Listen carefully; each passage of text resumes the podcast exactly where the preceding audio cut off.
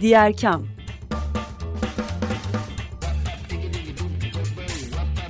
Sosyal fayda dünyasından fikirler, tartışmalar, haberler.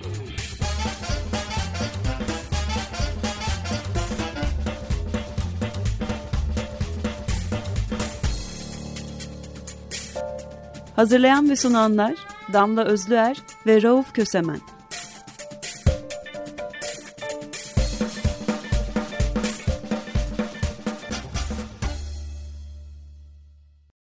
Diğer kamdan herkese merhaba. Açık Radyo 95'teyiz. Ben Rauf Kösemen ve ortağım Damla Özler. Bugün bir konuğumuzla birlikte sizinleyiz. Yojimbo'dan aldık bu saatleri. Deprem özel yayınlarımız kendi program saatimiz salı günü 16.30 dışında da devam ediyor böylece. Yojimbo'ya çok teşekkür ederiz. Sunay Demircan bugün bizimle birlikte. Hoş geldin Sunay. Hoş geldin Damla.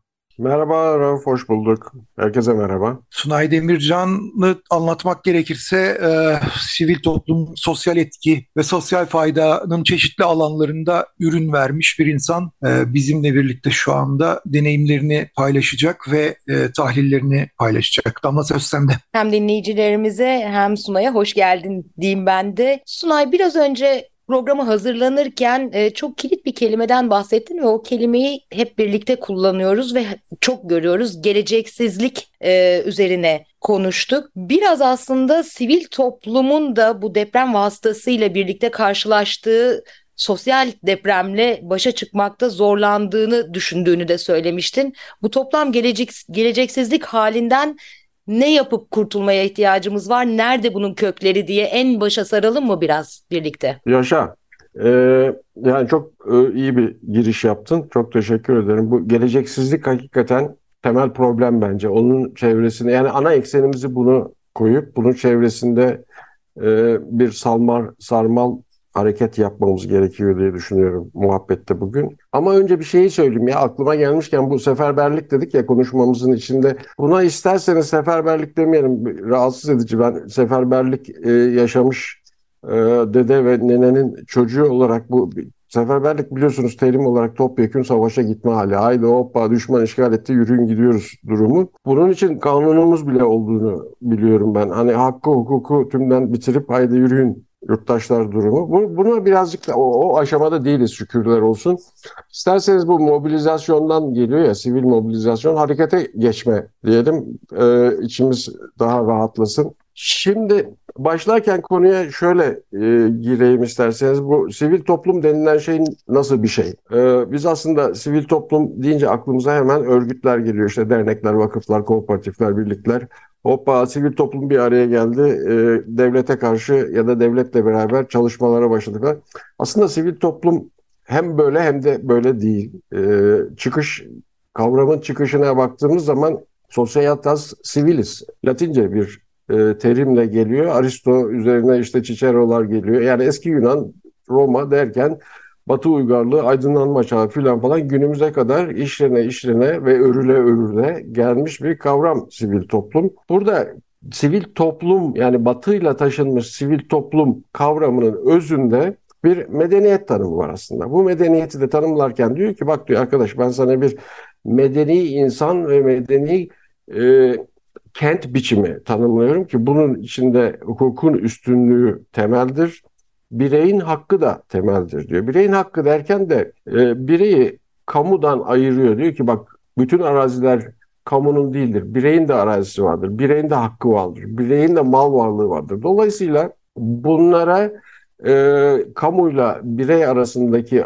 ayrımı yasa üzerinden yapıyor. Yani bir yasa oluşturuyor. Dolayısıyla yasanın üstünlüğünü e, belirlediği bir e, vatandaş, yurttaş ve kamu ayrımı oluşuyor sivil toplumun ilk kuruluşunda. Şimdi ama bu batıda oluşuyor. Yani Sakallı Celal'in dediği gibi bir laf vardır bilirsiniz belki.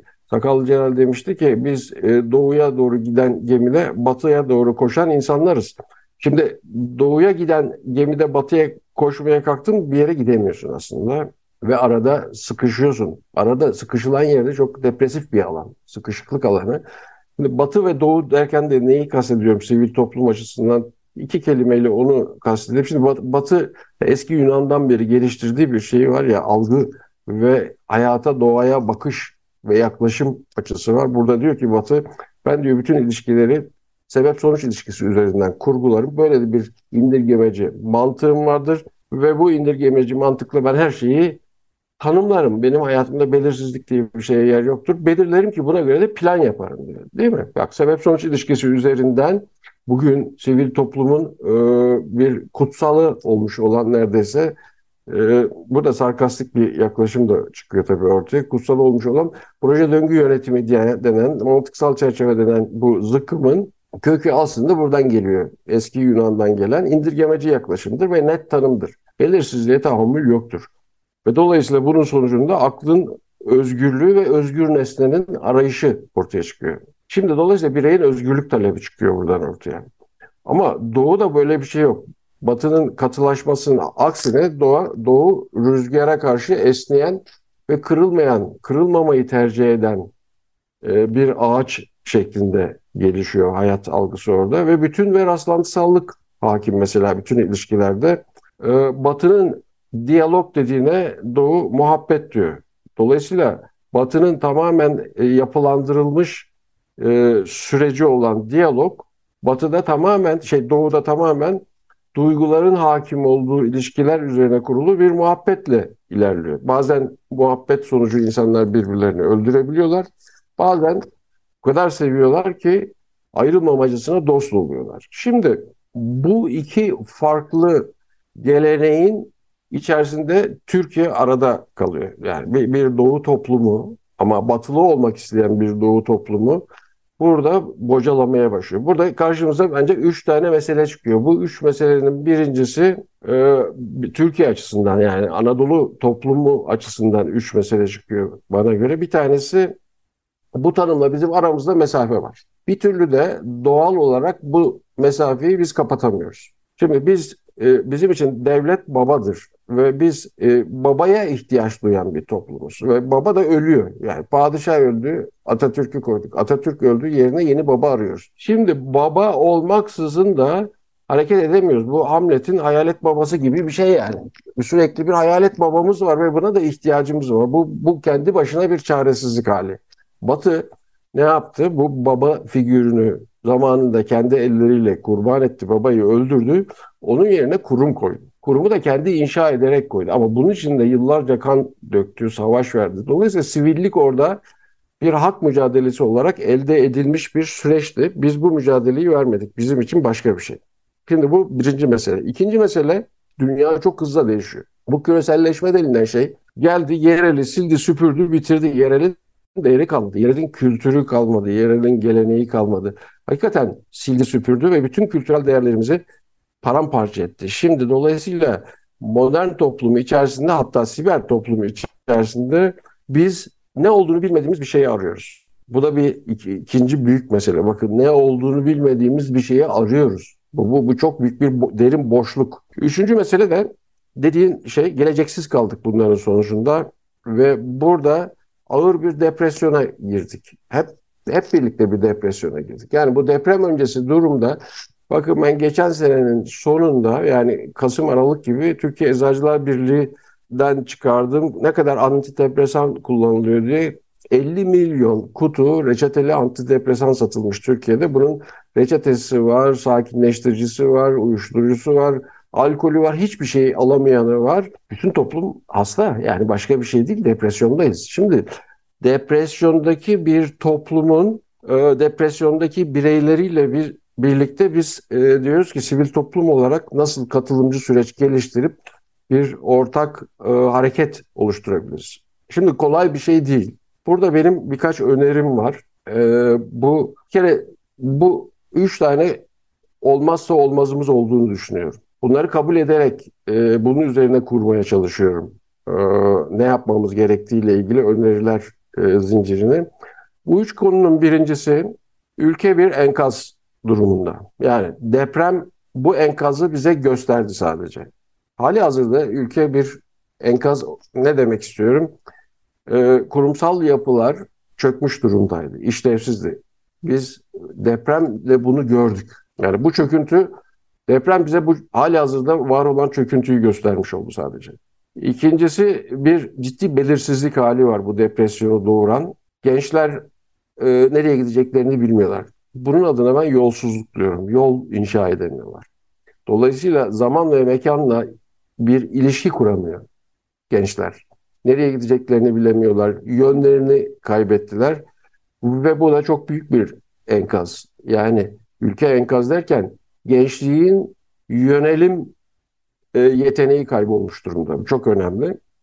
Üçüncüsü de yine enkazla ilgili gerilim artıyor. Yani gittikçe Türkiye'deki e, toplumsal kutuplaşma keskinleşen bir şekilde artıyor. O kadar artıyor ki artık insan ilişkilerini belirleyen şey kin, nefret ve öfke olmaya başladı. Acayip bir şey bu. Enkazın altındaki üç temel e, sütun üzerine oturuyor bu enkaz diye düşünüyorum işte bunlar.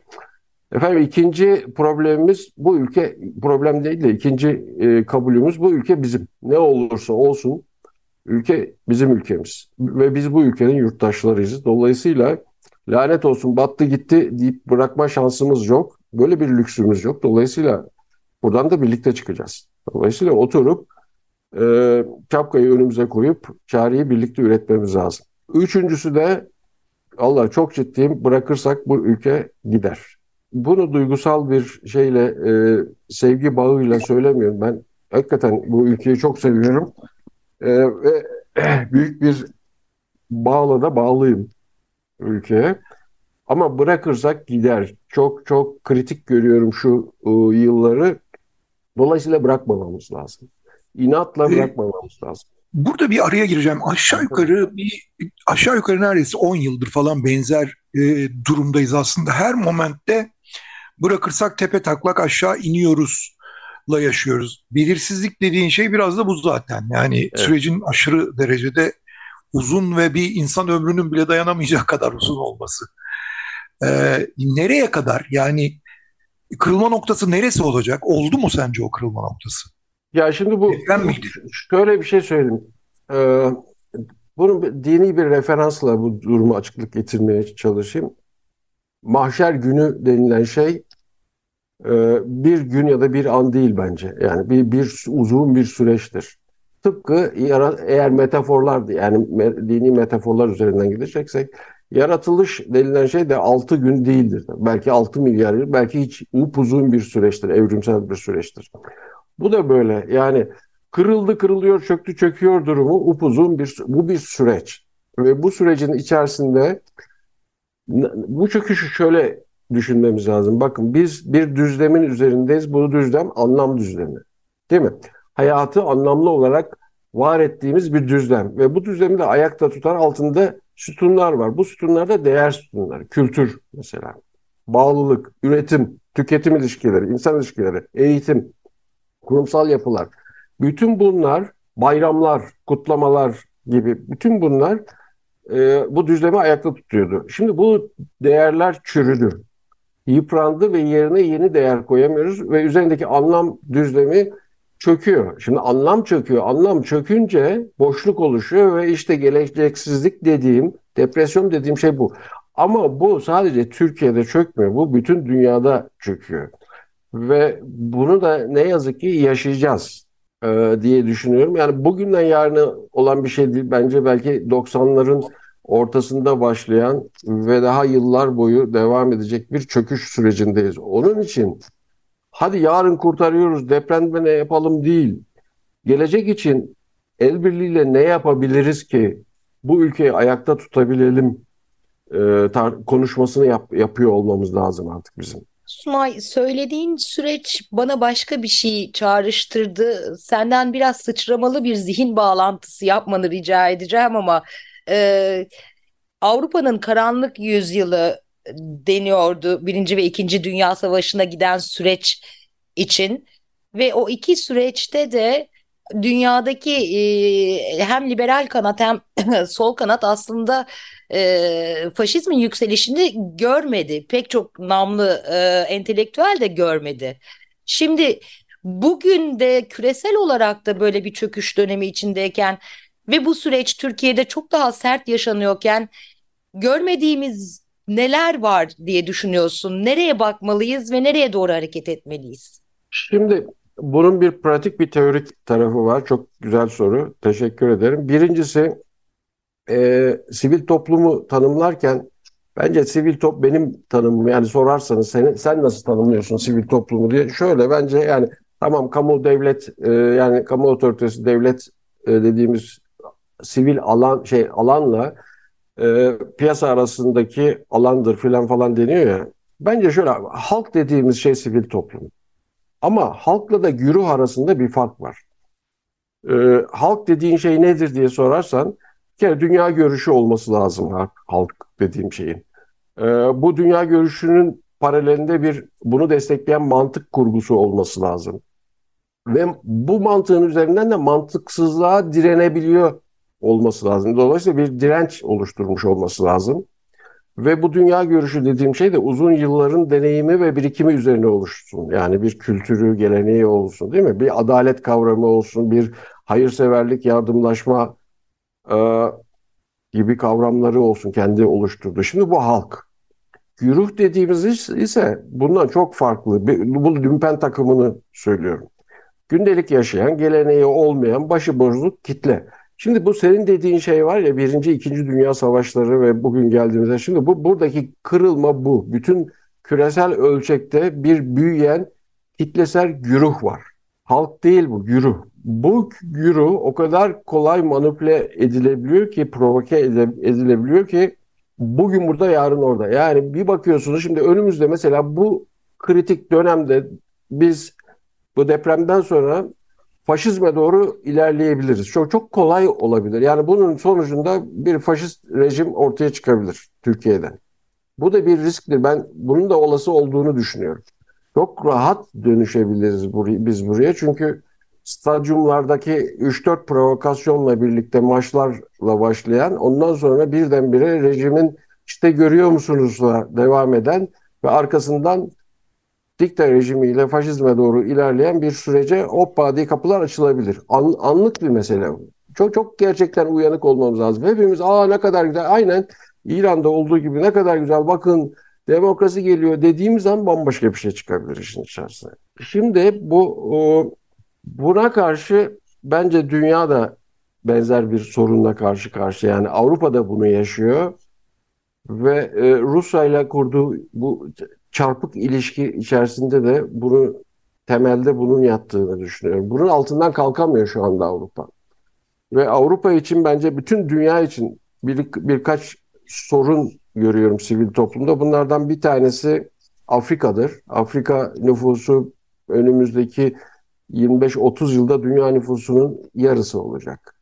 Ve dünya bunu ne yapacak? Bu, bu krizli nüfus bunlar. Bunlar aç, bunlar iklim krizinden etkilenmiş. Bunlar kendi iç çatışmaları var ve dolayısıyla bunların hepsi batıda yaşamak isteyecek.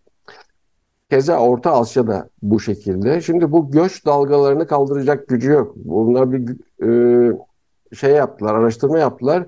Yani İsveç ve Fransa e, önümüzdeki 50 yıl içerisinde nüfusun %20 ila 27'si arası e, Müslüman göçmene e, kucak açabilecek bu dalgaların büyüklüğüne göre. Bu Avrupa medeniyeti için bir yıkım demek. Ondan sonra daha da büyüyor tabii bu göç etkileri.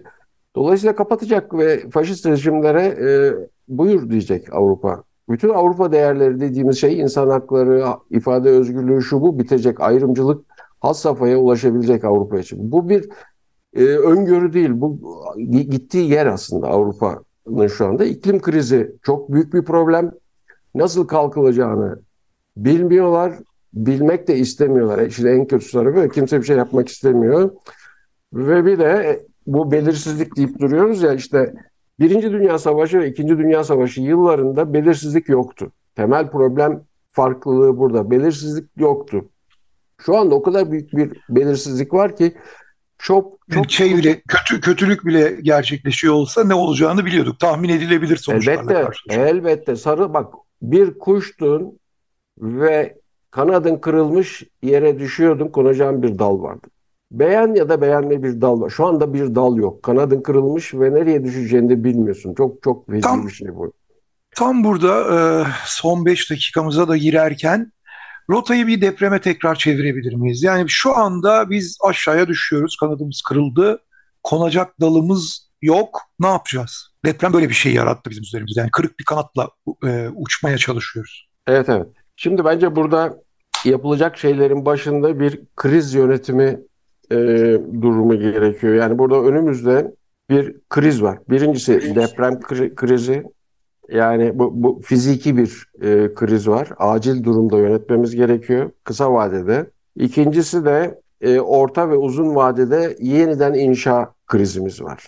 Burada e, bence sivil toplumun bir an önce şunu yapması lazım. Bir karşı tarafların birbirlerini kabul etmeye yanaşmaları lazım. Kabul etmeyen tam tersi birbirlerini iten bir süreç içerisindeyiz. Bu bambaşka kriz krizi doğuruyor şeklinde bir matruşka prensibiyle iş büyüyor, kriz büyüyor. Bundan kaçınmamız lazım. İkincisi küçük e, projelerle ilerlememiz lazım. Yani yeniden yapılanırken e, kentlerin ruhunu tekrar canlandırmamız lazım. Sentetik süreçler oluşturmamamız lazım. Bakın bizi Anadolu toplumunu ayakta tutan bir ruh vardır. Bu kültürle, bu gelenekle ayakta duruyor. Önümüzdeki bu geleceksizlik bizi bir dataizm ve bir dijital e, siber dünyaya doğru götürüyor. Bu daha da derinleştirecek bizim e, geleceksizliğimizi. Dolayısıyla bu ruhu canlandıracak kentler kurmamız lazım. İşbirliğine çok ihtiyacımız var. Vallahi çok sentetik laflar gibi, boş laflar gibi bunlar ama başka yapacak hiçbir şeyimiz yok. Tek şeyimiz işbirliği ve birbirimizi anlama ve dinleme süreçlerini başlatmamız lazım. Bir... Bununla ilgili sözünü kestim. Bununla ilgili sen e, yazmıştın sosyal medyada. Ben de altına sormuştum. Yani evet tamam işbirliği yapalım ama işbirliği yapmamızı da engelleyen bir şeyle karşı karşıyayız. Ya Rauf, evet. Nasıl aşacağız bunu ben diye. Bak, ne Samimi olarak hala aynı soru var aklımda. Tabii tabii bak çok somut olarak sana söyleyeyim. Ben dedim ki ya ben sosyal etki çalışıyorum. Ben büyük e, projelerin bir kısmında nedir? E, projelerin yatırım projeleri işte tren yolu yapılacak diyelim. O tren yolunun e, o bölge halkı üzerine olumsuz etkilerini ölçüyorum ve bunun için e, çareler üretiyorum. E, işim bu. Şimdi dedim ki Antakya'yı tekrar ayağa kaldıracaksak Antakya için e, neler yapılabilir? Antakya'nın eski ruhunu yaşatmamız gerekiyor. Dolayısıyla bunun için bir öneri yazdım ve gönüllü olarak ben bu işin içinde yer almak istiyorum. Şunu da atlanmaması lazım dedim. Ve bu önerimi milletvekillerine yolladım. İktidar Partisi milletvekillerine. Çevre Bakanlığı'nın genel müdür ve ilgili e, bürokratlarına gönderdim yazı olarak. Bir milletvekili geri döndü ve dedi ki çok haklı, haklısın, çok katılıyorum. Üstelik e, kendisi bir mecliste komisyon başkanı olan yetkili bir milletvekili iktidar partisinden. Bu konuda bir şeyler yapmamız gerekiyor, katılıyorum, birlikte çalışalım dedi, yapalım dedi. Şimdi ne olur, nereye gider? Ama bakın bu bir çok güzel bir şey. Benim gibi iktidarı eleştiren ve o tarafta olmayan birine o taraftan böyle bir sıcak tepki geliyor olması, davet geliyor olması olumlu ben bırakmayacağım peşini. Ben bir bireyim, örgüt de dedim ve sürekli yazıyorum ve kapı oluşturmaya çalışıyorum ki kapı açılırsa gireyim içeriden. Yapmamız gerekiyor yani kapı, bütün kapıları çalmamız lazım. Duvar örmememiz lazım ama bu gerilim bize bir taraftan da duvar örme fırsatı oluşturuyor. Bu bundan kaçmak lazım. Hakikaten bıçağın sırtındayız. Bu tekrar edeyim. Bu yurt, bu ülke bizim. Eğer e, bu fırsatı teper, gerilimi artırır ve nefretle, kinle hareketi ilerletmeye çalışırsak ciddi söylüyorum kaybederiz yani o, o, o riskimiz herkes var. herkes kaybeder. Evet, evet hep beraber kaybederiz. Hep Kesinlikle. Beraber. Yani ortalama bir ortalama bir Türklük davranışıdır ya bu. E, trafik ışıklarında kavşağın ortasına geçer, e, durur orada. Kendi de geçemez, öbürlerini de kilitler. Böyle bir hayatın içinde zaten yaşıyoruz. O bir de çatışmaya dönüşürse zaten işte orada hep bunu kavga bırak... çıkar ya böyle Aha, bir yerde. Bunu, bunu, bunu bırakmamız lazım. Yani bir kere olsun deneyelim. Abi. Bunu bırak, muhabbeti hatırlamamız lazım. Hakikaten unuttuğumuz şu muhabbet var ya. Şunu bir hatırlayalım, oturalım, çay içelim, simit yiyelim, muhabbet edelim, bambaşka şeylerden konuşalım. Lanet olsun artık yani bu iktidar sevdasından ve yeme ye, yememe sevdasından bir çıkalım yani. Bu, bu, bu artık ülkeyi yiye yiye tükettik çünkü artık. Yeme, bu son söz olarak evet. iyi bir son söz oldu. Ülkeyi evet. yiye tükettik yeme sevdasından bir çıkalım. Damla söz sende. Peki 25 e, dakika çok kısa birazcık açtık da süremizi. Sunay ağzına sağlık çok teşekkür ederiz. Haftaya programda görüşmek ve devam edecek olan diğer özel deprem yayınlarımızda da görüşmek üzere. Şimdilik hoşçakalın. Hoşçakalın. Hoşça